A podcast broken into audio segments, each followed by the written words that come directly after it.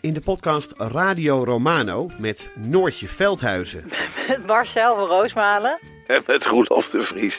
brengen we alle drie elke week een zogenaamde signalering mee. Wat heb jij nou weer bij je? En aan het eind bepalen we wie de winnaar van de week is. Echt een angstcultuur Lege huls die je er bent? Ja, dat gaat eigenlijk altijd onvriendelijk.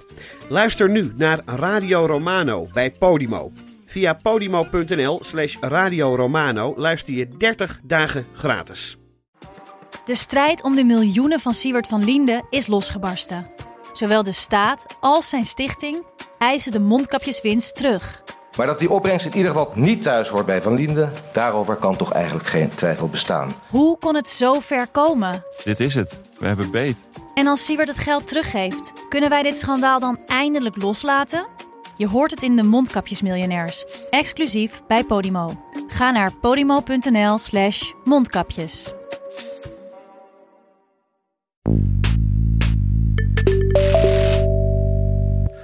En die mensen hebben gewoon jarenlang moeten procederen. Ze zijn gewoon verneukt door de Belastingdienst. Ook als het gaat om bewijsmateriaal. Tot aan de Raad van State aan toe. Dus daar staat de staat staat daar te liegen eh, in procedures tegen, tegen burgers. Ja, veel gekker kun je, kun, je, kun je niet hebben. Het onderzoek heet KAF, maar je zou denken Kafka. Ja, ik denk dat ouders daarin terecht zijn gekomen. Dit is Betrouwbare Bronnen met Jaap Jansen.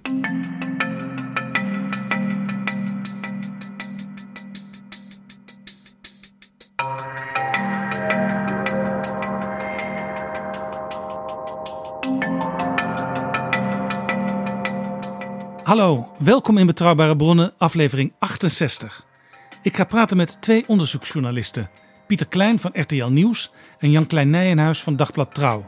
En ook aangeschoven is Jurgen de Vries, voorzitter van de Bond voor Belastingbetalers, die ik verderop in dit gesprek erbij betrek. Welkom. Aanleiding voor dit gesprek is het grote debat dat deze week plaatsvindt met staatssecretaris Menno Snel van Financiën over de wijze waarop de Belastingdienst omging met vermeende fraude met kinderopvangtoeslagen. Voor dat debat, komende woensdag, is een hele dag uitgetrokken. Op radio, televisie en in de kranten klinkt de vraag: overleeft Menno snel dit debat?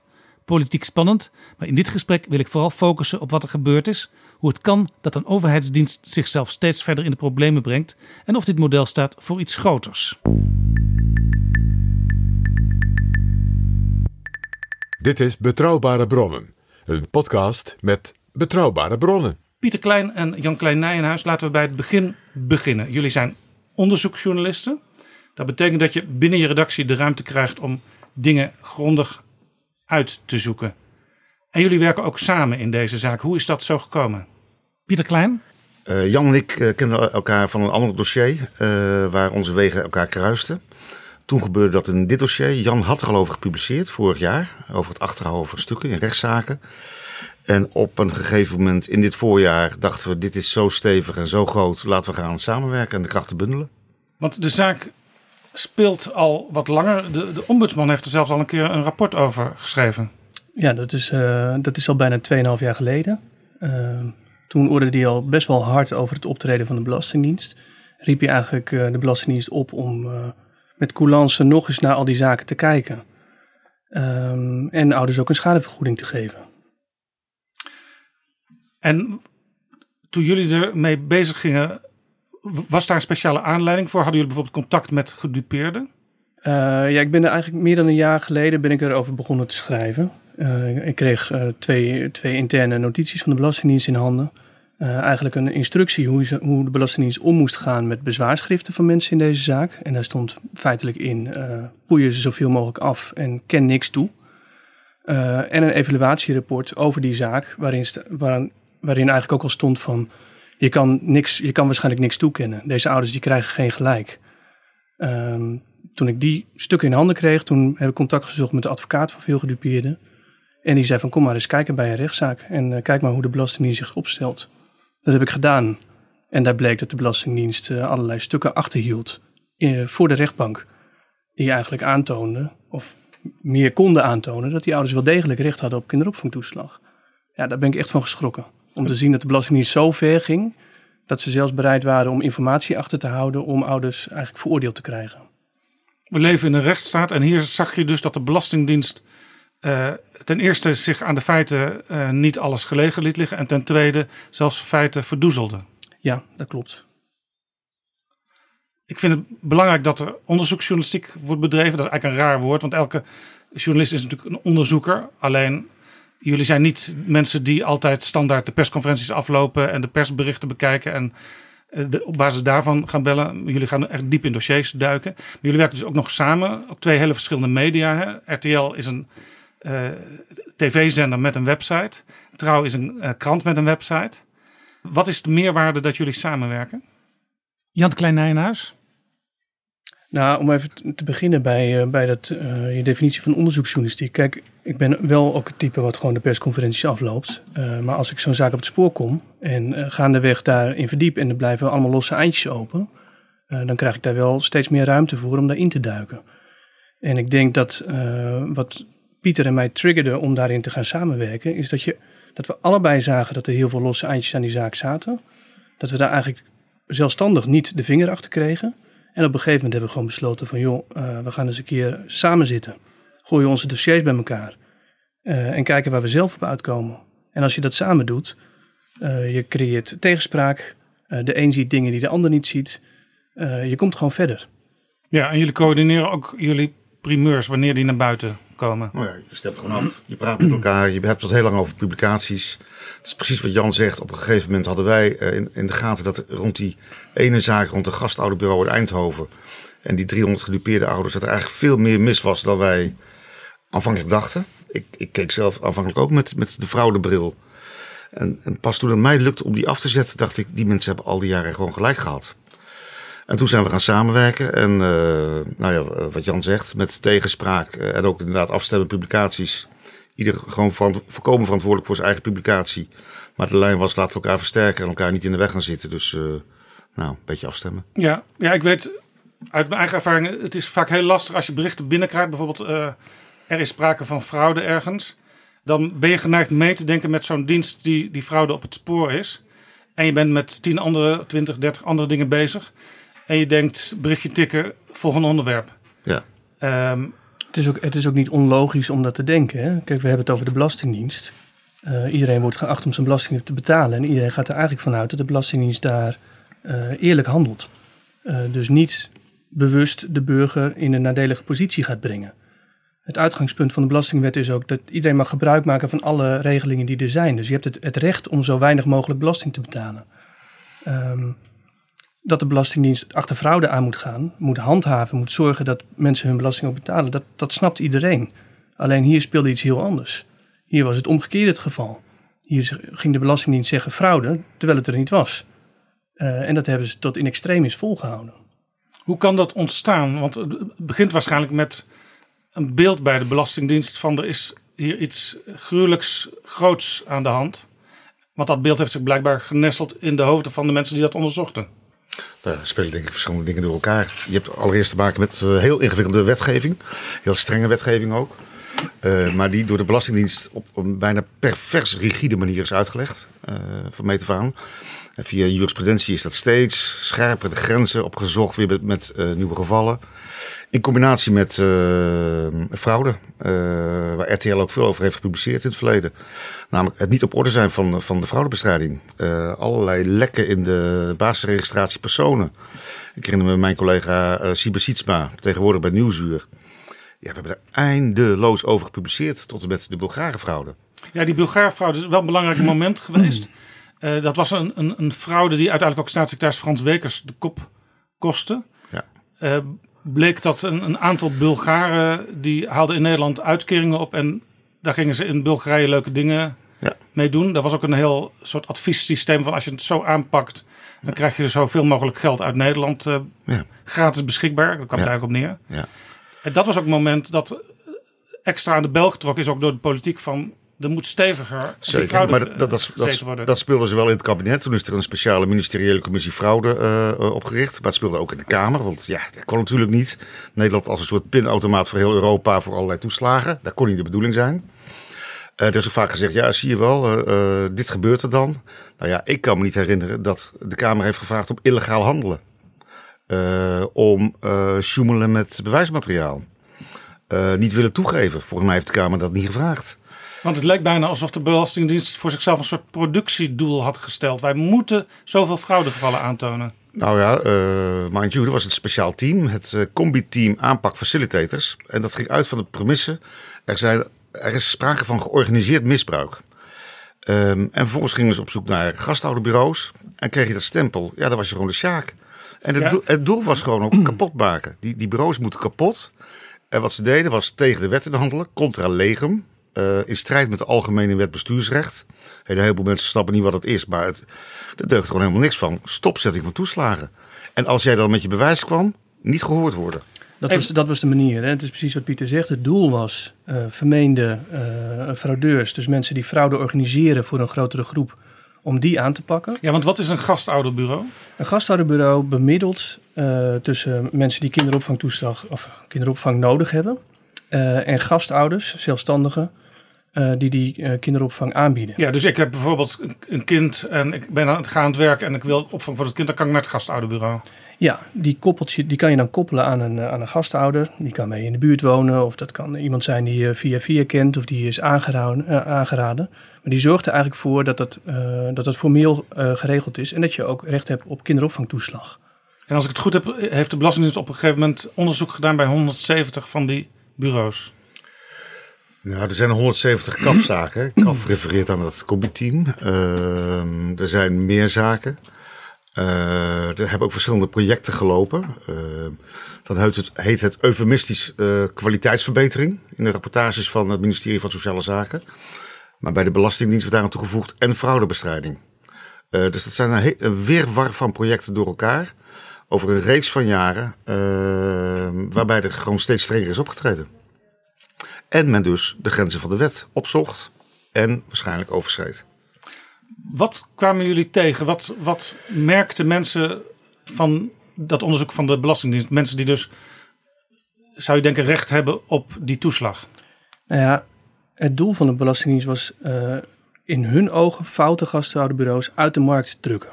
Zo staat het echt letterlijk in stukken. Hoe kunnen we deze mensen uit de markt halen? Hoe zorgen we ervoor dat uh, facilitators, fraudeurs gestopt worden? En het middel daarvoor was het stopzetten van uh, toeslagen bij al hun klanten. Um, dan doe je eigenlijk twee dingen fout. Ten eerste mag je niet zomaar toeslagen stopzetten. En ten tweede is het de vraag: weten die klanten, als er al sprake is van fraude, uh, dat zij te maken hebben met een fraudeur? Is het hen aan te rekenen? Uh, in het geval van, van dat gasthouderbureau uit Eindhoven, waar die zaak eigenlijk een beetje mee begonnen is te rollen, uh, zijn dus van 300 ouders, ruim 300 ouders, zijn de toeslagen ineens stopgezet. En die kregen een brief. Toon maar aan dat je er recht op hebt. Kom maar naar de balie, uh, neem je stukken maar mee. En mensen dachten, welke stukken? Wat, wat moet ik aanleveren? Dus die zijn letterlijk met Albert Heijn tassen vol papieren, documenten, die ze allemaal gekregen hadden, zijn ze naar belastingkantoren gegaan om dat in te leveren. Ja, als ze al die stukken al hadden bewaard. Nou ja, kijk, dat wordt van je verwacht. Uh, dus daar kan de Belastingdienst best om vragen of je die stukken hebt. Maar zij in goed vertrouwen hebben ze alles overgelegd wat ze dachten dat er nodig was. Ze kregen eigenlijk bij onbegaande terug, u heeft geen recht. En we gaan ook nog eens van de voorgaande jaren gaan we alles terugvragen wat jullie gekregen hebben. En dat maar er werd nooit verteld. Tot tienduizenden euro's. Het is echt, het is absurd duur. Kijk, uh, kinderopvang is duur, uh, maar je krijgt een groot gedeelte via de toeslag terug. En hoe minder je verdient, hoe meer je terugkrijgt.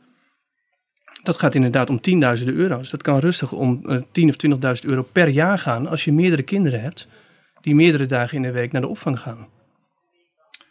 Maar die mensen gingen dus naar Bali en um, ze kwamen eigenlijk niet verder. Het was afpoeieren. Want ze waren gekoppeld aan fraude. En daarbij waren het, eh, werd verondersteld dat zijn fraudeurs. En dat heeft die mensen ook het meest dwars gezeten. Een paar dingen. Het vermoeden van. Uh, er zijn heel veel mensen met een uh, niet-Nederlandse achternaam, zou ik zeggen. Of oorspronkelijk niet-Nederlandse achternaam. Dat deed pijn toen mensen dat zagen. En het andere uh, is dat gevoel fraudeur. Te worden bestempeld als fraudeur tot op het niveau dat je eigen omgeving jou niet meer vertrouwt.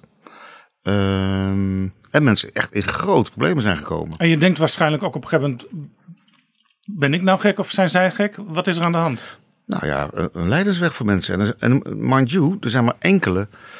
Of er zijn redelijk wat mensen in die bezwaar gega uh, zijn gegaan. Maar vervolgens doorgaan naar de rechter. Dat, dat is maar een handvol geweest.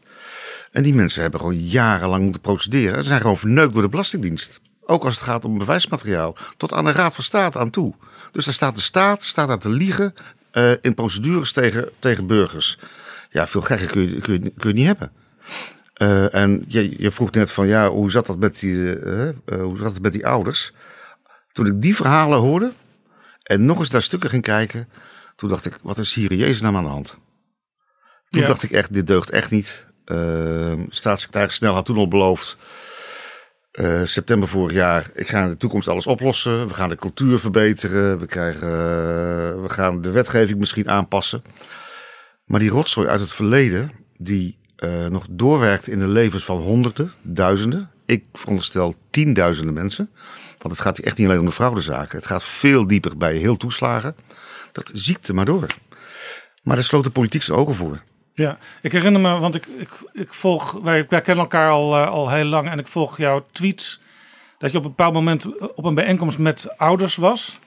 En dat je echt, ja, je, je was gewoon echt helemaal over de flos van wat je daar hoorde en zag. Uh, ja. Uh, de kop over dat verhaal was uh, waarom ik, waarom wij. Het was een jarenlange hel. En ik wist wel wat er komen ging, want ik kende een paar van die ouders al. Maar toen ging de Belastingdienst luisteren. Dat was ongeveer een opdracht van staatssecretaris Snel. Nadat de staatssecretaris Snel daar door de Kamer toe was gedwongen. Ga eens praten met echte mensen van vlees en bloed. Nou, het was shocking. Het was echt shocking wat daar kwam. Mensen die hun vertrouwen in de rechtsstaat, in de politiek, volkomen zijn kwijtgeraakt. Volkomen. Ik vond het echt buitengewoon heftig. En hoe, hoe, hoe zaten die mensen van de Belastingdienst, die dus, die dus eigenlijk daar naartoe gestuurd waren, om nou echt eens te luisteren en nou echt eens uh, ja, door te krijgen wat er bij die mensen leeft? Hoe reageerden die op die verhalen die ze daar hoorden? Ja, ik denk eerlijk gezegd dat ze in shock waren. Uh, en dat misschien bij sommigen doordrong, hé, hey, hier is wel iets misgegaan. Maar uh, mind you, dat was in uh, mei ongeveer van dit jaar. Toen lag, nog in, toen lag nog een onderzoeksopdracht aan de Orde Dienstrijk om al die zaken te gaan onderzoeken. Toen moest snel nog uit zijn tunnelvisie worstelen om te kijken of hij een commissie Donneren wilde installeren. Ja. Het is allemaal buitengewoon pijnlijk. Snel heeft later toegegeven, ik leed aan tunnelvisie. Ja. Ja, hij bedankt tegenwoordig de Kamer bijna in iedere brief uh, dat de Kamer hem heeft uh, helpen doen ontwaken uit die tunnelvisie. Uh, maar de signalen lagen al jaren op zijn bureau. En vorig jaar ook. Echt niet één zaak. Naar aanleiding van die zaken die de ombudsman al beschreef, had iemand kunnen denken: hé, hey, wat gek. Was er één zaak? Waren er meer zaken? Er waren talloze kafzaken. En er waren al talloze signalen dat er bij toeslagen veel meer mis was. En er zijn al jaren indicaties dat uh, met toepassing van het criterium opzet grove schuld, dat wordt ouders verweten. Als jij niet zorgt dat al jouw papieren uh, uh, in orde zijn en er, en ontbreekt iets, dan verwijt ik je opzet grove schuld. En als jij in de problemen komt, invorderen. Jij krijgt geen betalingsregeling. Dat speelt al jaren. Staat alle documenten. Ja.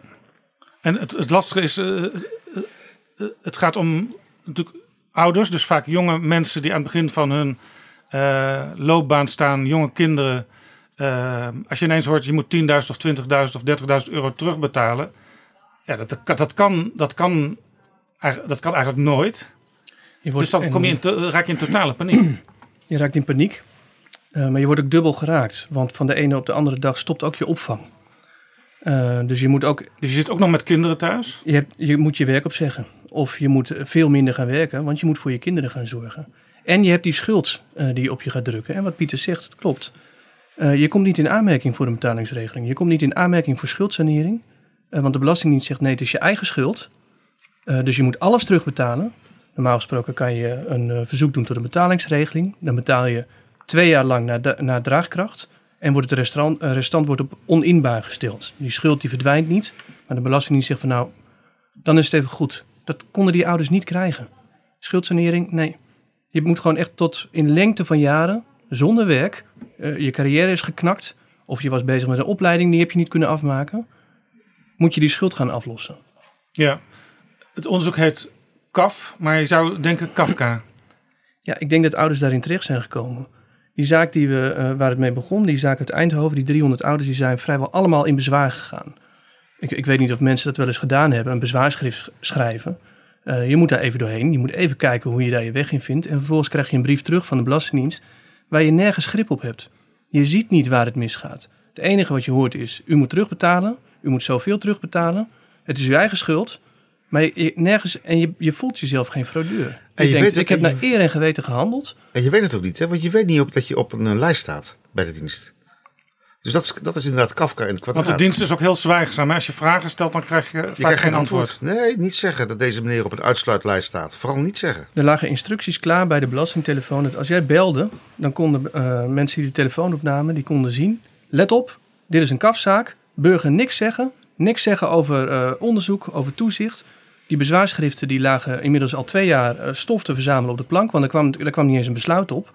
Daar heeft de overheid normaal gesproken zes weken de tijd voor om te antwoorden op een bezwaarschrift. En die mensen die belden maar en belden maar.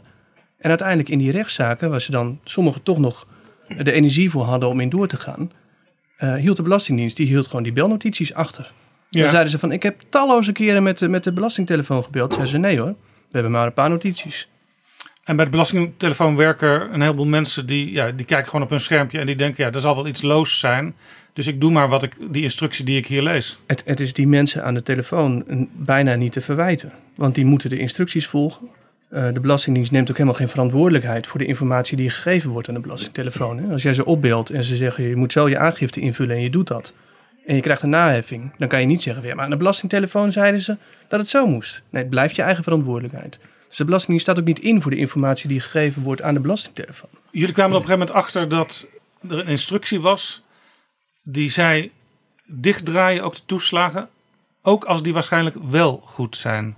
Dus er, ging, er werd al meteen van uitgegaan, de mensen aan de andere kant, die, die deugen niet en die kun je totaal niet vertrouwen. Zelfs als je het idee hebt dat het misschien wel klopt, dan moet je daar nog niet van uitgaan. Nou, dit, is, dit komt uit de notitie van, eh, of eigenlijk de opmerking van een van de topambtenaren van destijds. Uh, waarmee, je dus, waarmee we inzichtelijk konden maken. Dit, dit ging tot op het hoogste niveau. Want daar was de afweging, zelfs als het eigenlijk bijna vaststaat dat ouders recht hebben op uh, de, die toeslag, toch stopzetten. Fraudejacht gaat voor. Nou ja, pervers. Dat is vooraf is dat, is dat besloten. Hè? Dus er werd vooraf, voordat deze aanpak werd ingezet, werd er al gezegd. 80% van de mensen die we pakken, dat zijn echte fraudeurs. En 20% die frauderen niet. En die pak je daar eigenlijk in mee. Die 80-20, dat is volkomen uit de lucht gegrepen. Ja, is misschien, totaal misschien was de verhouding andersom. Ja, misschien was het uh, eh, 1,99 of, of 60-40. We weten het niet. Maar het feit dat het geaccepteerd werd van tevoren.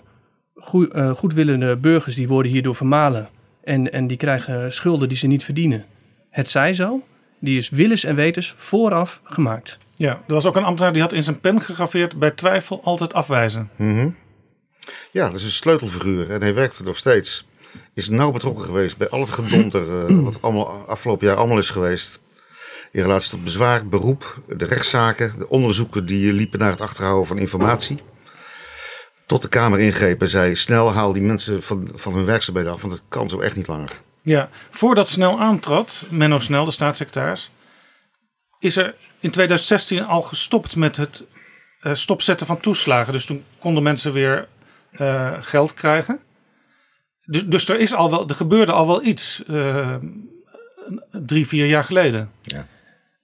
Dat is een heel opmerkelijk ding. Want een van de open vragen die er nog ligt, en de staatssecretaris heeft daar ook nog altijd het antwoord niet op gegeven, is waarom destijds dat beleid is aangepast van het stopzetten van toeslagen. Uh, in maart 2017 is er een uitspraak geweest van de Raad van State waarin de Belastingdienst eigenlijk gedwongen werd om het beleid aan te passen. En snel zegt telkens, ja, maar we hebben dat al in 2016 gedaan. Waarom is dat gebeurd? Had de Belastingdienst toen misschien al in de gaten wat ze aangericht hadden? Um, daar is nog altijd geen antwoord op. Nee. Op 14 november verscheen het onderzoek van de commissie Donner over deze zaak. Dat was een onafhankelijke commissie onder leiding van Piet Hein Donner en onder andere ook Jetta Kleinsma, de oud-staatssecretaris van Sociale Zaken onder Donner, zat erin zitten dus eigenlijk wel heel dicht op het beleid, zou je kunnen denken. Maar goed, het, het rapport verscheen en daarin stond wel iets heel zwaars. De Belastingdienst handelde institutioneel vooringenomen. Dus nu staat echt zwart op wit van een officiële commissie, door de staatssecretaris ingesteld. Het deugde niet. Ja, Maar tegelijkertijd is het, is politiek rapportje. Omdat het institutioneel was, is er geen verantwoordelijkheidsvraag. Dat is natuurlijk kletskoek. Dat is echt een typisch Donderiaanse aanpak. Dit, is, dit, was, dit was het vehikel waar, waar, waar staatssecretaris snel naar smachtte. Geef me alsjeblieft een rapportje, zodat ik met een, eindelijk met de schadevergoeding kan komen. Die ik al jaren geleden had moeten regelen.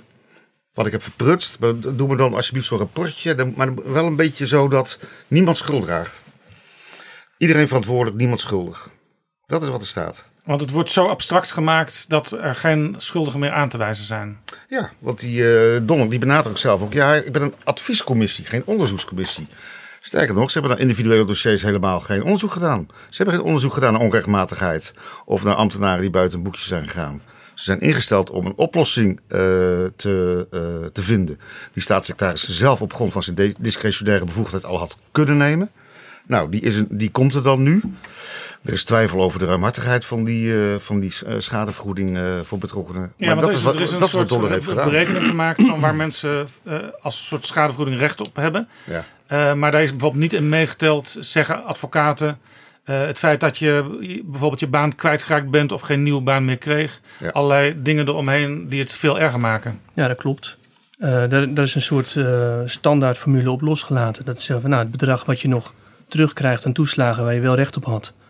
Uh, een kwart daarvan, uh, dat noemen we dan uh, vergoeding voor materiële schade. Onder andere verlies van werk of het feit dat je je huis bent kwijtgeraakt omdat er dwanginvorderingen kwamen. Of, nee. alles, alles valt daaronder, onder dat, onder dat kwart. En nog eentje die heel erg is. Eigenlijk zegt Donner, er was geen ontsnappen aan. Want als je eenmaal dat stempel had, dan kwam je in de systemen.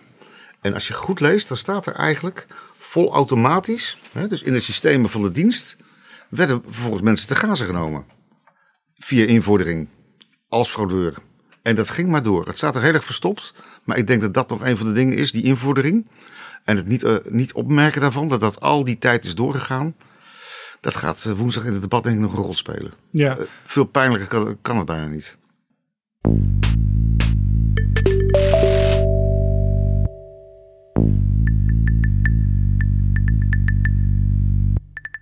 Dit is Jaap Jansen met Betrouwbare Bronnen. En ik praat met Pieter Klein van RTL en Jan Klein Nijenhuis van Trouw over de Belastingdienst en de toeslagenaffaire. Ook aan tafel Jurgen de Vries, voorzitter van de Bond voor Belastingbetalers. Hoe kijk jij naar deze affaire? Want het is nogal wat wat deze twee heren allemaal boven water hebben gekregen. Nou, laat ik eerst beginnen met te zeggen dat ik mateloze bewondering heb voor de inzet van beide heren hier. Eh, en tegelijkertijd, elke keer als ik een artikel las, dan kreeg ik weer plaatsvervangende schaamte over hoe het zo eh, uit de klauwen kan lopen bij een eh, uitvoeringsorganisatie. Um, ik denk als je conclusies trekt uit deze zaak, ja, dan, dan is er voor ons als Bond voor Belastingbetalers er één uh, die er echt bovenuit steekt, is dat je als individuele burger gewoon kansloos bent.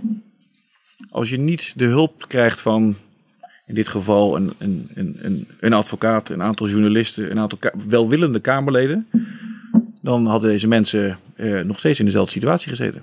Dan was er geen oplossing gekomen. Dat, dat durf ik wel te beweren. Ja. Er zit echt een kausaal verband tussen. En dat is natuurlijk eigenlijk wel heel erg treurig. Dat je, in, dat je rechten als burger, als belastingbetaler, eigenlijk zo slecht zijn. Ja, dat je dus eigenlijk nergens aanspraak op kunt maken. Want zo'n organisatie is zo'n massieve club die uh, ook elke medewerker die ergens op een post, bijvoorbeeld achter de belastingtelefoon zit, ja, gewoon eigenlijk opdragen, dwingen om mensen af te poeieren. Nou ja, wat, is net wat, wat, wat Pieter als laatste zei, dat is natuurlijk wel heel erg interessant. Kijk, het, is, het gaat natuurlijk om totaal uh, geautomatiseerde processen en systemen. En die geautomatiseerde systemen en processen die zorgen ervoor dat als er problemen zijn, uh, als je als burger ergens voor op wilt komen, ja, dat je heel snel uh, wordt afgewezen. Omdat het gewoon niet past. Jij past niet in het proces. En de redenering is het systeem deugt, dus er zal aan uw kant wel iets mis zijn. Gekoppeld aan het feit dat er toch een aantal mensen klaarblijkelijk nou, de, de hand gelicht hebben met hun eigen verantwoordelijkheid en bevoegdheden. Het moest passen.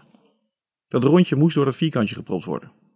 Het idee is ergens in die belastingdienst op, op, op een hoog niveau. Is deze lijn ingezet om er nooit meer van af te wijken? Daar lijkt het wel op. En, en, en, en dan is natuurlijk altijd de vraag van oké, Ehm, hoe kan je dat dan eh, zo goed mogelijk voorkomen? Hoe zou je dat kunnen voorkomen? De, er zijn nu ook weer allerlei ontwikkelingen over wat er dan met de staatssecretaris moet gebeuren. Ik lees natuurlijk altijd dat het hoofd van de staatssecretaris eh, geëist wordt, zoals het zo mooi heet, in de Tweede Kamer. Wij vragen ons serieus af of dat nou de meest effectieve manier is om recht te doen aan alle schade die bij burgers is veroorzaakt. Ja. Een nieuwe staatssecretaris is natuurlijk een heel goed, heel belangrijk politiek vraagstuk. Een nieuwe staatssecretaris, uh, dat levert zomaar weer een, uh, een, jaar of misschien wel twee jaar vertraging op. En toen deze staatssecretaris men nog snel aantrad, toen erfde hij van zijn voorganger Erik Wiebes al die dienst waar toen al van duidelijk van was dat eh, daar zit grote problemen. Op een gegeven moment uh, was er in de dienst een reorganisatie. En mensen kregen de mogelijkheid om uh, versneld uh, te vertrekken bij die dienst met een enorme bonus. En die bonus was zo mooi dat, heel, dat eigenlijk te veel mensen daar gebruik van hebben gemaakt. Zodat die dienst op een gegeven moment met te weinig personeel kwam te zitten. Dat, is denk ik een van de problemen. Wat mij zelf heel erg opgevallen is in de afgelopen periode, is dat je ziet dat de Nederlandse Belastingdienst in vergelijking met uh, omringende landen met ongelooflijk veel fiscale beroepszaken te maken heeft. Wij als Nederland procederen dus heel vaak tegen de staat. Hoe kan dat? We hebben een korte vergelijking gemaakt. Je ziet het in de Verenigde Staten. 325 miljoen uh, inwoners. Moet even nakijken hoor. Hebben ze op jaarbasis 30.000 beroepszaken. In Nederland, 17 miljoen inwoners, hebben we 26.000 beroepszaken. Fiscale beroepszaken. Bijna evenveel in, in totaal aantal. Ja. Een of andere manier hebben we het systeem zo slecht ingericht dat mensen eigenlijk geen andere weg meer zien dan maar gaan procederen. En ik weet uit ervaring, wij procederen ook voor een hoop burgers, dat geen enkele individu, of nou, bijna geen individuele burgers, het uh, in hun hoofd halen om tegen de staat te gaan procederen. Daar moet je heel veel tijd hebben en moet je heel veel geld meenemen. Ja. ja, u was op een gegeven moment ook betrokken bij een, een rapport wat door de SP is uh, uitgegeven, ook over deze specifieke kwestie waar we nu over praten. Ja, wij hebben in 2016 zelf onderzoek gedaan naar de, naar de toeslagen, naar het ondergebruik en het overgebruik van toeslagen. Omdat wij ook door allerlei mensen gevraagd werden van, ik snap het niet, hoe zit het nou precies en ik durf het niet meer aan te vragen. Ja, en wat je ziet, en dat zie je nu ook wel weer terug in, in, in alle, alle uh, artikelen en, en publicaties uh, van, van beide heren, is dat je naarmate het, uh, het inkomen van mensen lager is, is dat er ook een heel groot, hele grote groep burgers is die gewoon geen aanspraak meer durft te maken op toeslagen. Terwijl die mensen er juist het meeste behoefte aan hebben. En voor die mensen is, zou juist een gastouderbureau kunnen helpen om duidelijk te maken van dit zijn de regels en dit zijn de mogelijkheden waar, waar je aanspraak op kunt maken. Als je met z'n allen in Nederland afspreekt dat je toeslagen uitkeert, dan moet je er ook ongelooflijk goed voor zorgen dat al die mensen het krijgen. En zeker die mensen die het hardst nodig hebben.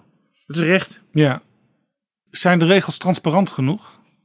Welke regels bedoel je? Nou ja, ik heb kinderen, ik wil uh, kinderopvang uh, organiseren. Nou ja, de, kijk, de ervaring leert ook uit het onderzoek is dat uh, de, de, de, oorzaak voor het niet aanvragen van toeslagen, in dit geval kinderopvangtoeslag, ook gewoon vaak is dat mensen het heel erg ingewikkeld vinden. Ja, ja. En uh, uh, zelf niet weten. Stel je voor dat je een, een, een flexbaan hebt. De ene jaar verdien je zoveel, het andere jaar verdien je iets minder. Ja, als je op het moment dat je even boven die drempel uitkomt die door de Belastingdienst wordt gehanteerd, chop, je hoofd gaat eraf. Dus, dus elke wijziging moet worden doorgegeven? Op tijd. En als je het niet doet, kunnen ze ook nog eens een keertje met terugwerkende kracht, kunnen ze toeslagen kunnen ze opeisen. En dan zit je in die molen, zit je in dat, in dat systeem, in dat geautomatiseerde proces. Wauw. Veel succes. Ja, en het zijn, het zijn ook voorschotten. Hè? Jan Klein Nijenhuis. Dus je, je krijgt het op basis van uh, je verwachte inkomsten. Uh, dus als je inderdaad niet echt een idee hebt wat je dit jaar gaat verdienen, uh, je roept maar wat. Je krijgt die voorschotten eerst en dan word je achteraf inderdaad misschien kop eraf. Kleine betalingsverschillen in een, in een jaar. Als je zegt van ik, ik moet 12.000 euro aan opvangkosten betalen, maar het blijkt 11.990 te zijn zei de Belastingdienst tot voor kort 12.000 euro terugbetalen. Niet corrigeren voor 10 euro, nee, echt alles terugbetalen. En dat, dat is tot in extremis is dat beleid doorgevoerd. En alle verantwoordelijkheid bij die opvang, uh, bij die toeslagen, die ligt bij de ouder. Dus die is verantwoordelijk voor alles. Dus ik, ik kan me heel goed voorstellen dat mensen op een gegeven moment denken, ik, ik durf het niet meer. Nee. Je, je neemt een risico met enorme bedragen. Er wordt ook wel gezegd, um, de Belastingdienst is sinds 2005 behalve geld gaan innen van burgers, ook geld gaan geven. Dat zijn die toeslagen. Um, en dat leidt ertoe dat nu 6 miljoen huishoudens 14,5 miljard euro aan toeslagen krijgen.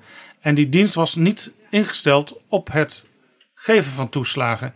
Is dat inderdaad ook een heel groot probleem en kan dat mede ten grondslag liggen aan het probleem waar die dienst nu voor staat? Dat zou heel goed kunnen. Dat, dat, daar, weet ik gewoon te weinig af van hoe uh, intern de Belastingdienst is georganiseerd en wat ze wel aan kunnen. Ik, ik denk dat we een hele efficiënte en effectieve Belastingdienst in Nederland hebben. Uh, ik denk dat daar geen twijfel over bestaat. Uh, ambtenaren van Financiën worden over de hele wereld gestuurd om uit te leggen aan andere landen hoe ze hun belastingssysteem moeten op, opzetten.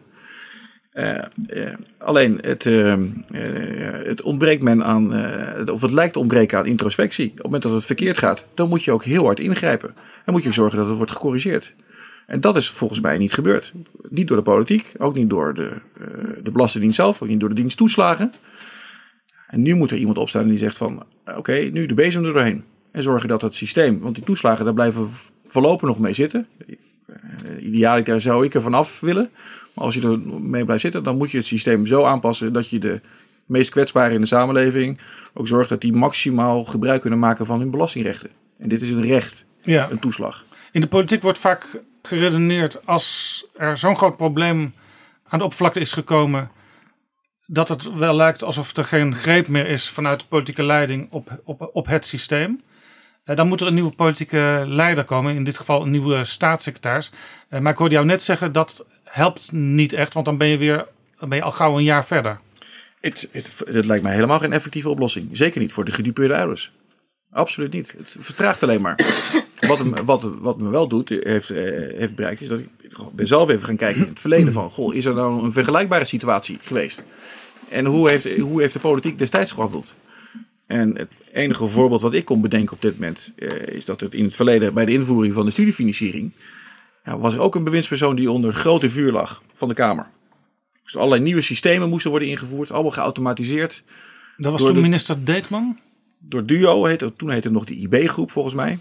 Ja, en die heeft uh, uiteindelijk, omdat hij ook niet heel goed werd geïnformeerd door zijn ambtenaren, heeft hij zelf uh, het initiatief uh, naar zich toe getrokken en een, een gedelegeerd bestuurder benoemd. Met de opdracht, onbeperkte bevoegdheid om te zorgen dat die rotzooi bij, de du bij DUO, dat het wordt opgelost. Dat was toen Roel in het veld?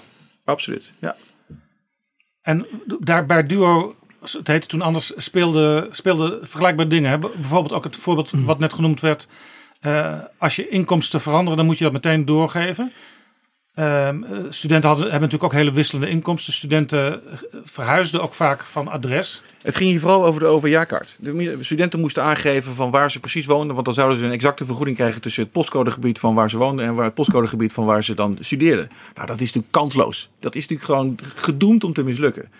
En, en, en de, de, de meest zichtbare oplossing die uh, Roel in het veld toen heeft voorgesteld: van zet gewoon een uh, overjaarkaart in. Geef iedereen gewoon die kaart en zijn we van die administratie af. Want het lost niks op. Ja. Het zorgt alleen maar dat de kelders van de IB-groep destijds vol lagen met miljoenen brieven van studenten die wilden aantonen van nee, maar ik woon niet daar, ik woon al op kamers en ik wil wel recht hebben op mijn overjaarkaart. Ja, nu op dit moment zegt GroenLinks, laten we drie dagen per week kinderopvang gratis maken, dan heb je al die rompslomp niet meer nodig. Nou, mijn, mijn, mijn advies zou zijn: geef de staatssecretaris, en dat wordt natuurlijk een hele lastige, want hij heeft niet zo heel veel steun meer, eh, als ik het goed heb begrepen. Uh, geef de staatssecretaris het mandaat om een, zo'n gedelegeerd bestuurder uh, te benoemen.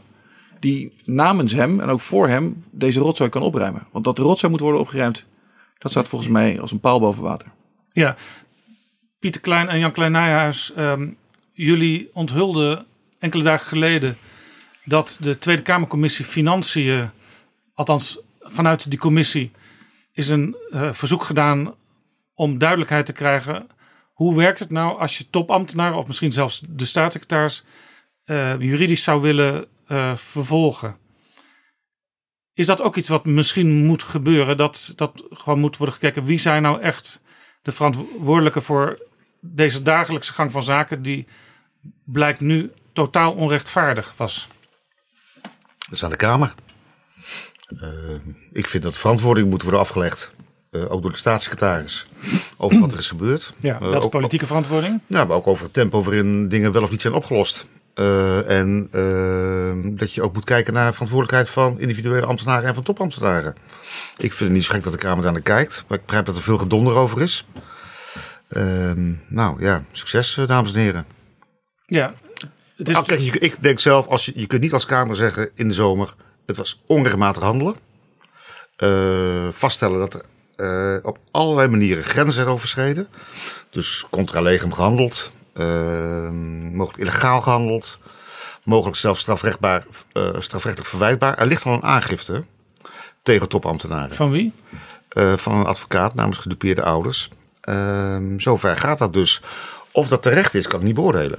Eh, ik denk dat het onderzocht zou moeten worden. Ja, waarschijnlijk is het ook zo dat als je, als, als je op een gegeven moment eh, een brief krijgt van de Belastingdienst van uw toeslag wordt ingetrokken en u moet terugbetalen, dan staat daar de naam van een ambtenaar op, op die brief.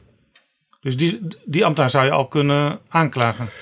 Nou, je kunt vrij specifiek kijken naar in die fraudezaken eh, hoe het destijds ontspoord is en wie daarvoor verantwoordelijk waren.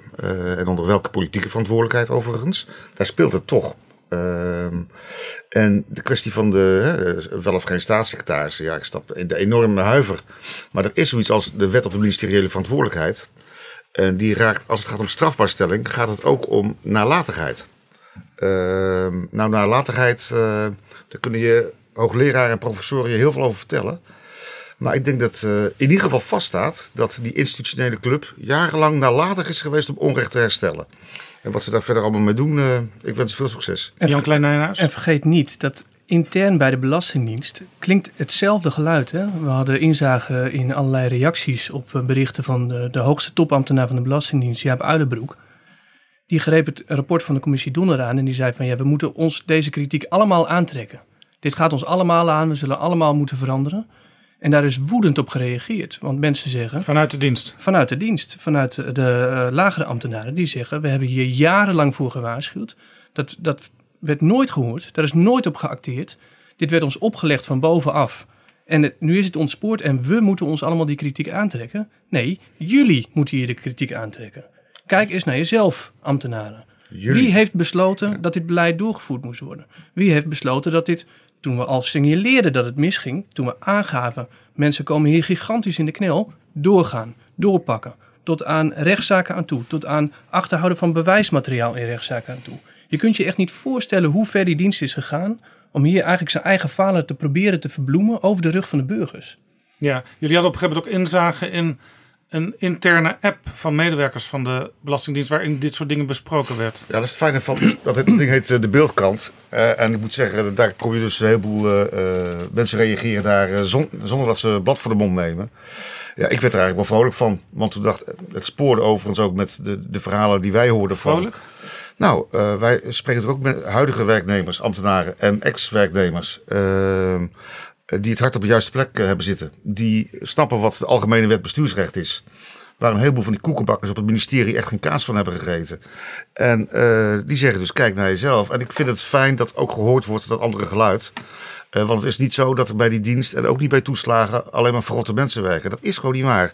Er werken gewoon veel mensen met hart voor de publieke zaak. Eh, maar tegelijkertijd eh, zijn die dingen heel ernstig misgegaan. En er zijn een paar eh, topambtenaren die daar een, een, een wat mij betreft stuitende rol in hebben gespeeld. En de politiek heeft verzuimd om in te grijpen. Ja. Jarenlang. Ik las een, een opinieartikel in juni in Trouw van Hans Gripnauw. Hij is hoogleraar belastingrecht in Tilburg en in Leiden. En hij schreef toen, dat is al een tijdje geleden, er lijkt sprake van een integriteitstekort, een gebrek aan eerlijkheid, onpartijdigheid, openheid en zorgvuldigheid bij de Belastingdienst. En hij noemde als eh, een mogelijk probleem wat hier aan ten grondslag kan liggen. Tegenwoordig de, de leiding, de top van de overheid, dat is de Algemene Bestuursdienst. Dus eh, ambtenaren worden voor een aantal jaar, drie, vier jaar, eh, bijvoorbeeld directeur-generaal ergens op een ministerie. En die gaan dan weer naar een heel ander ministerie. En eh, de- deze Hans Schipnauw zegt. Zijn er nog wel genoeg ervaren fiscalisten in de top van zo'n organisatie? Met andere woorden, begrijpen die wel wat er op de werkvloer speelt en ja, leidt dat wel tot juist handelen? Eh, Jurgen de Vries, is, dat een, is, is dit iets wat aan de orde kan zijn? Nou, Hans Schipnauw is natuurlijk een heel verstandig man. Hij zit ook in mijn raad van toezicht. Dus ik kan niet anders zeggen. dat, zou een, dat zou een oorzaak kunnen zijn. Maar of dat zo is, ik denk dat je dat gewoon moet vaststellen. En ik denk dat er iemand, hè, als, het, als het probleem, Pieter net zegt, aan het, echt aan de top van de Belastingdienst zit, aan de top van de, de diensttoeslagen zit, dan, moet je, dan zou de staatssecretaris niets anders kunnen doen. En dat had hij wellicht al veel eerder kunnen doen om iemand daar te benoemen. Als zijn stroomman die daar, of stroomvrouw, mag ook, eh, om daar een schoon schip te maken. En ervoor te zorgen dat in ieder geval die problemen met die belastingbetalers of belastingplichtigen wordt opgelost. Alle gedupeerden. En dat zijn informatiepositie, want daar gaat het natuurlijk ook om. Nou ja, in ieder geval wordt verbeterd. Want ik heb het idee dat eh, eh, de staatssecretaris redelijk eh, blind heeft geopereerd. En pas na i- aandringen in alle, allerlei dagbladen en op tv-programma's en, in, eh, en door de Tweede Kamer pas gaan inzien van... oh, ik heb wel een heel serieus probleem. Ja, Martin van Rooyen, hij was Tweede Kamerlid, hij is nu senator. Die heeft voorgesteld eh, om een tweede staatssecretaris te benoemen. Namelijk de ene staatssecretaris eh, die zou zich met beleid moeten bezighouden... en de andere staatssecretaris volledig met het oplossen van de problemen bij de Belastingdienst. Is dat nog een idee? Nou, dat weet ik niet. Daar, daar, daar, moet, het, eh, daar moet een volgend kabinet maar over oordelen. Wat ik wel vaststel is dat... Nou we- of dit kabinet, want het is pas halverwege. We hebben, wel, we hebben een minister van Financiën die eh, eh, de hele wereld overvliegt en op Nederland vertegenwoordigt bij allerlei G20 en, en andere internationale fora. En we hebben een staatssecretaris van Financiën die tot aan zijn oren in de rotzooi zit, in de modder. En, eh, het- nou, als ik zo vanuit de, vanaf de buitenkant bekijk, dan is dat eh, takenpakket niet heel erg eh, eerlijk en rechtvaardig verdeeld. Jan Klein Nijenhuis? Het is een hele zware portefeuille. Hè? Het, eh, eigenlijk iedere staatssecretaris in de afgelopen jaren komt daar in de problemen. En het is altijd de Belastingdienst. Dus je zou ook bijna kunnen zeggen, want het is niet eerlijk om dat dan af te splitsen en nog weer aan iemand anders te geven. Want die weet dan dat hij echt alleen maar met rotzooi zit. En tegelijkertijd is het zo'n groot takenpakket, dat ik kan me er wel iets bij voorstellen.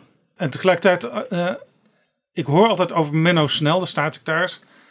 Eh, hele aardige vent. Hij weet ook eh, waar hij het over heeft, want hij komt uit die wereld.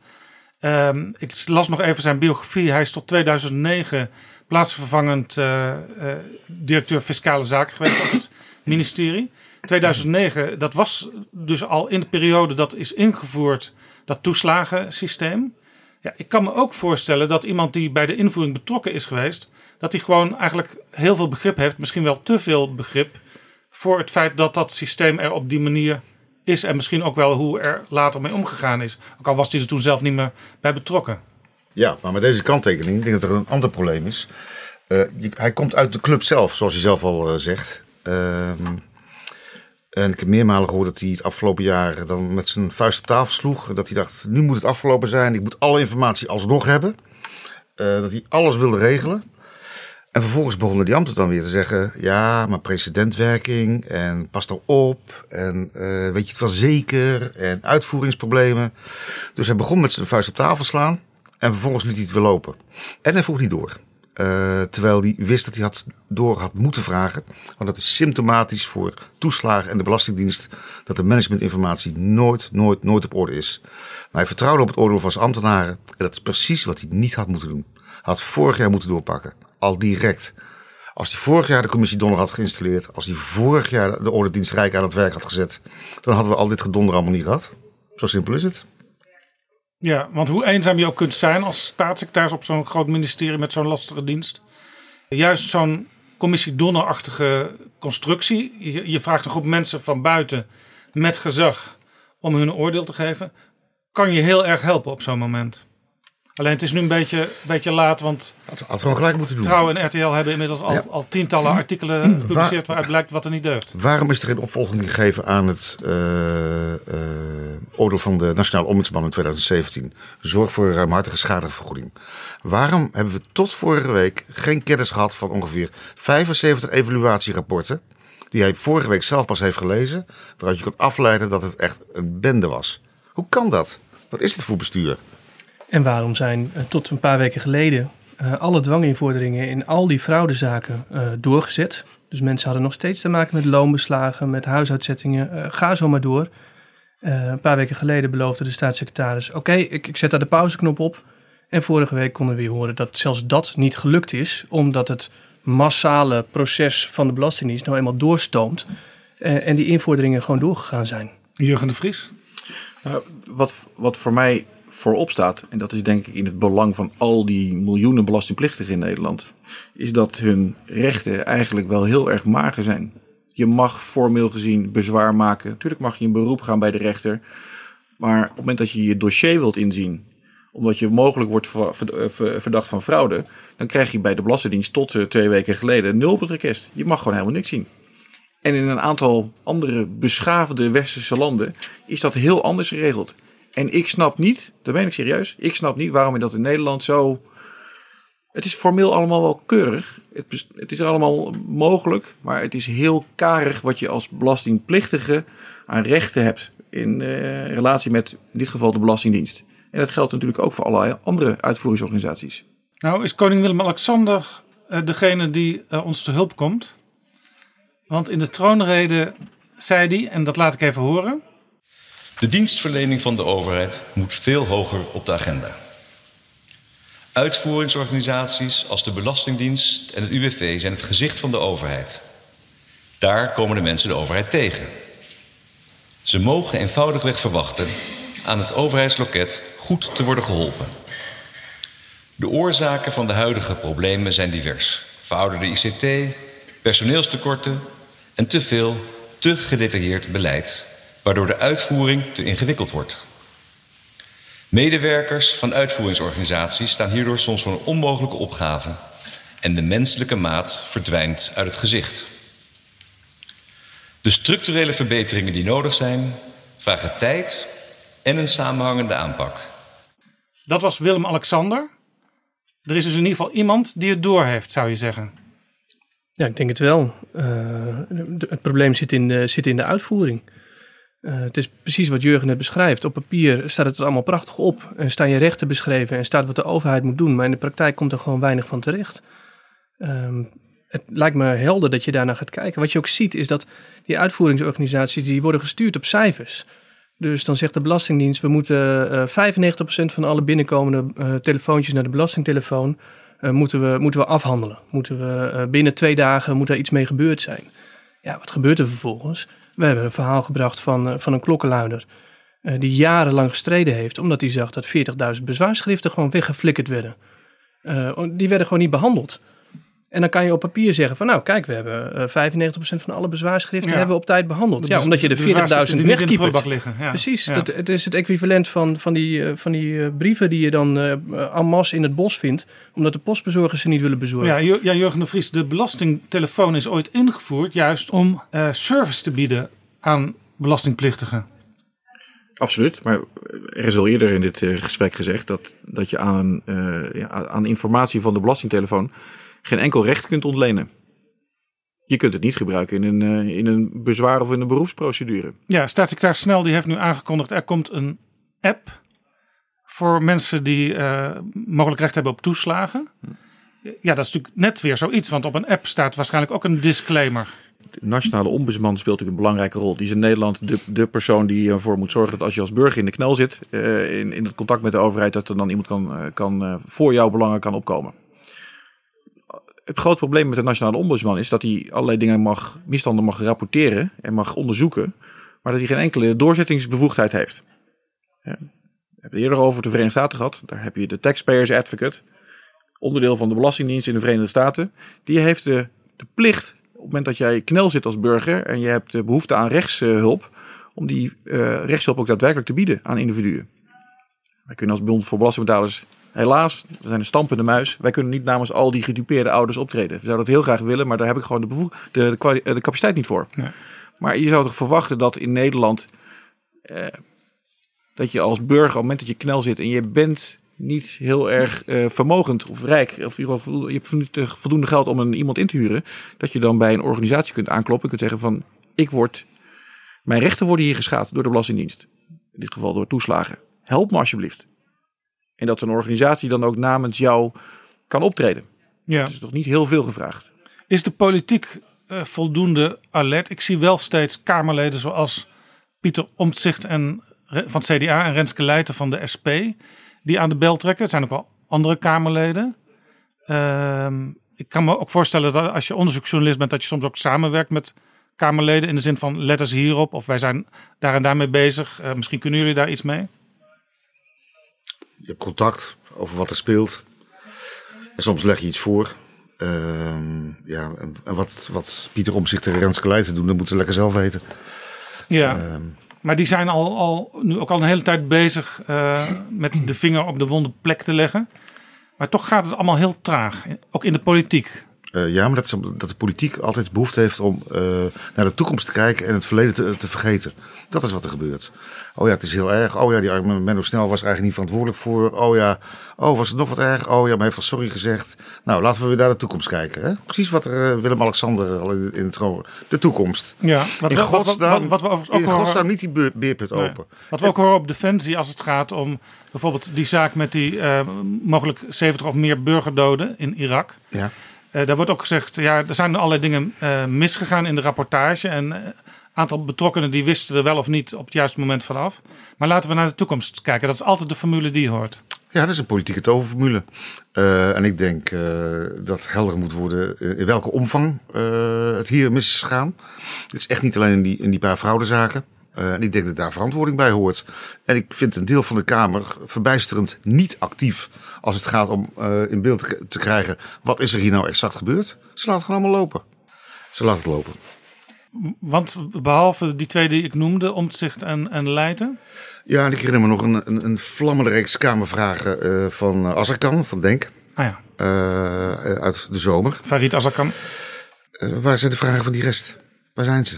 Kan er ook mee te maken hebben verschillende dingen. Eén, er is een coalitie, dat zijn vier partijen, die houden elkaar vast en uh, die beschermen elkaar ook een beetje als er misschien iemand politiek zou moeten sneuvelen. Zelfs oppositiepartijen kan ik me voorstellen. Die denken, ja, zo staatssecretaris is ook nog met andere dingen bezig. Bijvoorbeeld Snel is heel erg bezig met uh, groene wetgeving. Hij probeert in Europa een vliegtax uh, van de grond te krijgen. Ja. Uh, hij is ook bezig met belastingontwijking via Maagdeneilanden en andere constructies aan te pakken. Ja, daar zijn ook een aantal oppositiepartijen die zijn er blij mee dat hij dat eindelijk na al die jaren aanpakt. Dus er zijn meer belangen dan alleen maar de belangen van die gedupeerde toeslagkrijgers. Zeker. Ja, maar dat zijn, dat zijn inderdaad dat zijn politieke belangen. Wij zijn niet van de politiek, we zijn van de journalistiek. Uh, dat, het ontslaat je niet van, eigenlijk, ja, ik zou zeggen de plicht, maar ik, ik zou verwachten van een Kamerlid dat hij in ieder geval alle feiten op, op een rij wil hebben. Uh, en het, het is nogal cru om te zeggen, uh, tienduizenden toeslaggedupeerden, helaas, dat offer ik op, want we gaan iets doen aan belastingontwijking. Het, het lijkt me een, een, een, raar soort koehandel. Maar wat ik zeg, ik, ja, ik snap misschien niks van politiek. Jurgen de Vries? Nou, ik, ik, wil me hierbij aansluiten. Ik denk dat het grootste risico is uh, van deze hele uh, kwalijke zaak... is dat er, dat er, een, dat er een, een, een Haags spelletje uh, gespeeld gaat worden... over politieke verantwoordelijkheid en over wie, wie doet wat...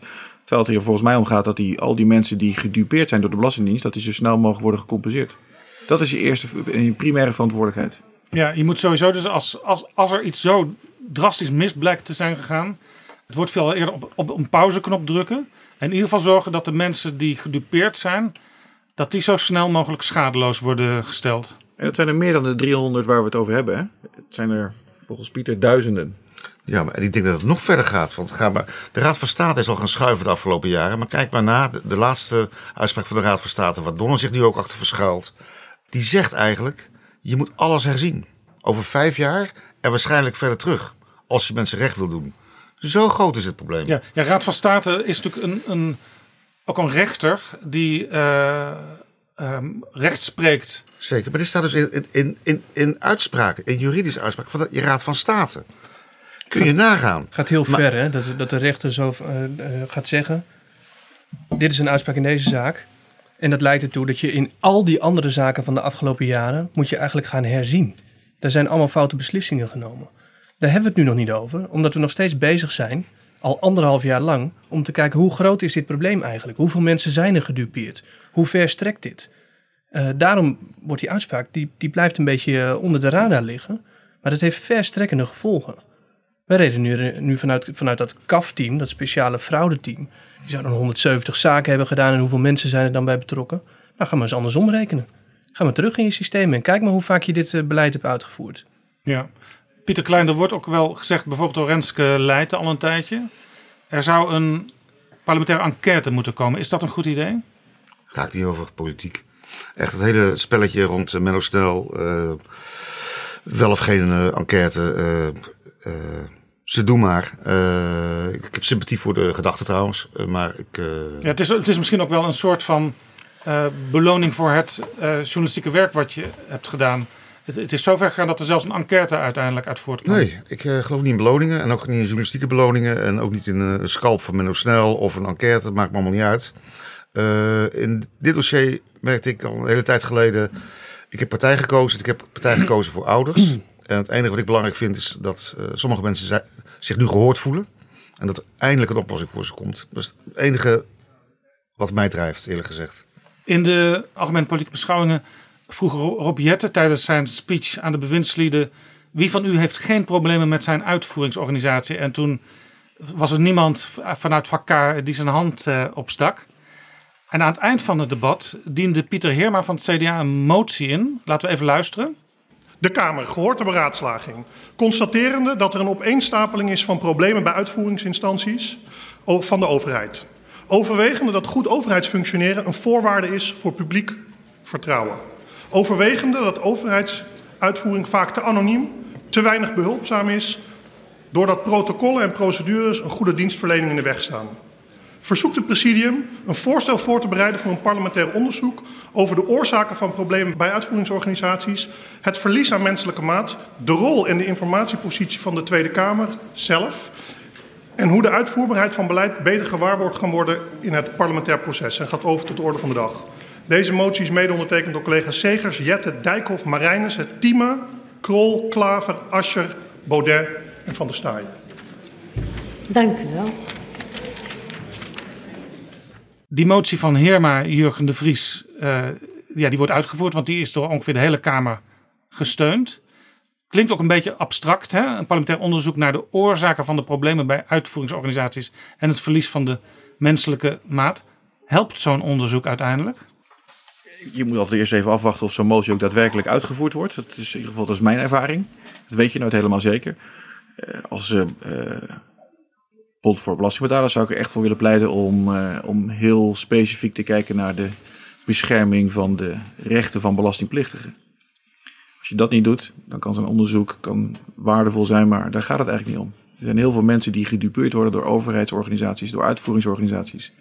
En die hebben geen enkele manier om hun, hun gelijk te halen. Hebben belastingplichtigen eigenlijk onvoldoende uh, rechten op dit moment? Op papier hebben ze wel rechten natuurlijk, maar materieel. Ik denk dat het daar aan schort. Ik zou uh, hebben gewild dat dat in de moties zou hebben gestaan. Nee, maar dat stond er niet, want dat was een politieke uitruil. Het mocht in de troonrede, dus de koning mocht er iets over zeggen. Maar in die motie gaan we ook iets zeggen over de wetgeving en, en de rol van de Kamer. Uh, dat dat onderzocht moest worden. Dus oké, we willen wel meer menselijke maat, maar wel onder de voorwaarde dat de Kamer ook aan zelfreflectie gaat doen. Dat is eigenlijk wat er is gebeurd. Maar daar is toch niks tegen, tegen zelfreflectie? Er is niks tegen zelfreflectie. Nee. Maar wat is dan. Wat, wat is, ik, ik, ik ruik hier een politiek trucje. Zeker. Het zit in dit dossier vol met politieke trucjes. Ja, maar de Kamer wilde toch dat we de fraude aanpakt en de tijdgeest. En Donner ook weer, zonder zich rekenschap te geven van. Ja, maar heeft, in welke motie heeft die Kamer dan gevraagd om het overtreden van wet en regelgeving? Om het niet na naleven van de Algemene Wet Bestuursrecht? Waar staat het dan? Nergens. Het is allemaal politiek, is optiek en akoestiek en kletskoek. Echt. We hebben een minister van Rechtsbescherming, toch? Ja. Waar, waar is die? Waar is die? Die zit in, het, um, in een van de torens van het ministerie van Justitie en Veiligheid. En is heel druk bezig met? Rechtsbescherming zou je zeggen? Nou, dat, dat, mag je hopen. Want het is, hier worden de rechten van, uh, van burgers ernstig geschonden. En ik mag hopen dat hij zich dit aantrekt en dat hij uh, al zich heeft gemeld bij eh, de staatssecretaris voor, uh, van Financiën. Om aan te geven van ik heb hier een plan voor bedacht hoe we dit gaan verbeteren. En eigenlijk zou dus ook Sander Dekker, want over hem hebben we het, een keer in de Kamer moeten verschijnen. Juist ook als dit onderwerp aan de orde is. Dat lijkt me heel verstandig. Volgens mij is Sander Dekker vooral uh, druk geweest met het bezuinigen op de sociale advocatuur. Uh, en dat zijn precies de raadslieden die Pieter en ik in dit dossier heel veel tegenkomen. Namelijk mensen die geen kant op kunnen. Uh, die ook geen geld hebben om zelf een advocaat in te huren. Die zich tot de sociale rechtsbescherming wenden. In de hoop daar nog iets van tegenwicht te bieden aan, ja, wat zou ik zeggen, de slagkracht van de Belastingdienst die op hen gericht is. ja, daar wordt nu op bezuinigd. Dus misschien is dat een idee om te beginnen. Inmiddels eh, heeft eh, Dekker wel weer meer geld ter beschikking gesteld. Nog niet voldoende volgens de sociale advocaten, maar in ieder geval een deel wordt gerepareerd. Misschien kwam dat uit een uh, onderhandsje met de staatssecretaris van Financiën. Ja. Laten we tot slot nog even luisteren naar minister-president Mark Rutte afgelopen vrijdag in zijn wekelijkse persconferentie. Daar werd het volgende gevraagd. Meneer Rutte, is uh, Menno Snel na komende woensdag nog staatssecretaris, denkt u? Ja, dat denk ik wel. Maar ik ga daar nu ook niet heel uitgebreid op in, want hij heeft uh, zijn eigen verdediging recht in de Kamer. Dat volg ik uiteraard uh, heel precies samen met collega's. Dat doet hij heel zorgvuldig, heel erg stap voor stap. En ik wil hem ook niet voor de weg lopen door hier nou weer allerlei uitspraken daarover te doen. Uh, dat moet hij echt op zijn manier doen. Dat doet hij ook. Groot vertrouwen in de man. Het hele kabinet, de hele coalitie heeft groot vertrouwen in hem. Dus dat gaan we volgende week verder bekijken. Is hij nog de juiste man op de juiste plek voor u? Ja, dat is hij zeker. Maar ik laat er echt verder bij. Want ik help hem ook niet in de aanloop naar het debat door nu weer publiciteit te genereren over Snel. Dat was de minister-president afgelopen vrijdag. Woensdag is het debat. Ik hoorde al in dit gesprek een paar keer van ja, het heeft ook weer niet zo heel veel zin als zo'n staatssecretaris sneuvelt. Want dat probleem wordt er op dat moment niet meer opgelost. En duurt wel weer een jaar voordat alles op de rails zit onder een nieuwe staatssecretaris. Erik Wiebes, toen die vertrok en snel het overnam, zei hij: Mijn opvolger met deze portefeuille zal moeten beschikken over een onverwoestbaar humeur en moet geen enkele interesse hebben in de eigen loopbaan. Kortom, ze zagen het eigenlijk al aankomen, alle ellende waar staatssecretaris Snel nu middenin zit. Het probleem is nog lang niet opgelost. Het moet eigenlijk de treurige conclusie zijn van dit gesprek, denk ik. Ik denk dat het een, uh, dat het een extra probleem voor de staatssecretaris is. Uh, Wiebes die had te maken met, uh, met een leegloop bij de dienst. Veel te veel mensen die vertrokken, de verkeerde mensen die vertrokken. snel die moet dat nu oplossen door heel veel mensen op korte termijn aan te trekken, in te werken. En te zorgen dat die dienst blijft draaien. Dat de continuïteit van de Belastingdienst gewaarborgd is. Dat staat op het spel, als ik het, als ik het goed begrijp. Uh, en hij heeft deze erfenis uit het verleden, heeft hij er inderdaad uh, heeft hij er nog weer bij gekregen. Ja, als mensen nu luisteren en denken, ik heb ook nog wel een verhaal, of ik heb misschien ook nog wel nieuws voor Trouw en RTL, kunnen ze zich dan bij jullie melden? Iedereen kan zich melden. Uh, ik moet er wel bij zeggen dat onze mailboxen echt overspoeld raken met klachten en ook dossiers die wij niet altijd kunnen doorgronden, waarin het soms ook lastig is om mensen te helpen. Dus er moet helaas soms ook een briefje terug van... we kijken ernaar, maar kunnen op dit moment niks voor u doen. Ja, of ik zeg, meld je bij het ministerie van Financiën. Want ja. er is recent uh, eindelijk gezegd... oké, okay, de belastingtelefoon heeft men ook, uh, ook voor deze zaken. Ze hebben eindelijk instructies gekregen. Dus dat doe ik ook wel. Maar ik moet eerlijk zeggen, het lukt me niet eens om alle mails te beantwoorden. Ik word er knettergek van. En mensen kunnen zich natuurlijk ook bij de Bond voor Belastingbetalers melden, melden Jurgen de Vries. Dat kan altijd, absoluut. Maar daar geldt dezelfde uh, voorwaarden als door Pieter net geformuleerd. Ook wij zijn uh, heel beperkt in onze capaciteit. We hebben een hele grote procedure tegen de staat lopen als het gaat over de vermogensrendementsheffing. Daar behartigen we belangen voor heel veel mensen. Is weer een hele andere zaak. De andere zaak. Uh, maar wij, wij zien absoluut de noodzaak om voor grote groepen belastingplichtigen op te komen. Want als je het in je eentje moet doen, zonder hulp van buitenaf, en wij maken ook dankbaar gebruik van de expertise en kennis van heel veel mensen, dan kom je er niet. Dan ben je kansloos. En volgens mij kan dat niet het geval zijn. Zeker niet als je, als je zeker weet dat er een aantal belastingplichtigen worden gedupeerd door het handelen van de Belastingdienst of het ministerie van Financiën. Pieter Klein, Jan Klein Nijenhuis en Jurgen de Vries, mag ik jullie hartelijk danken voor dit inzichtelijke gesprek. Graag gedaan. Graag gedaan.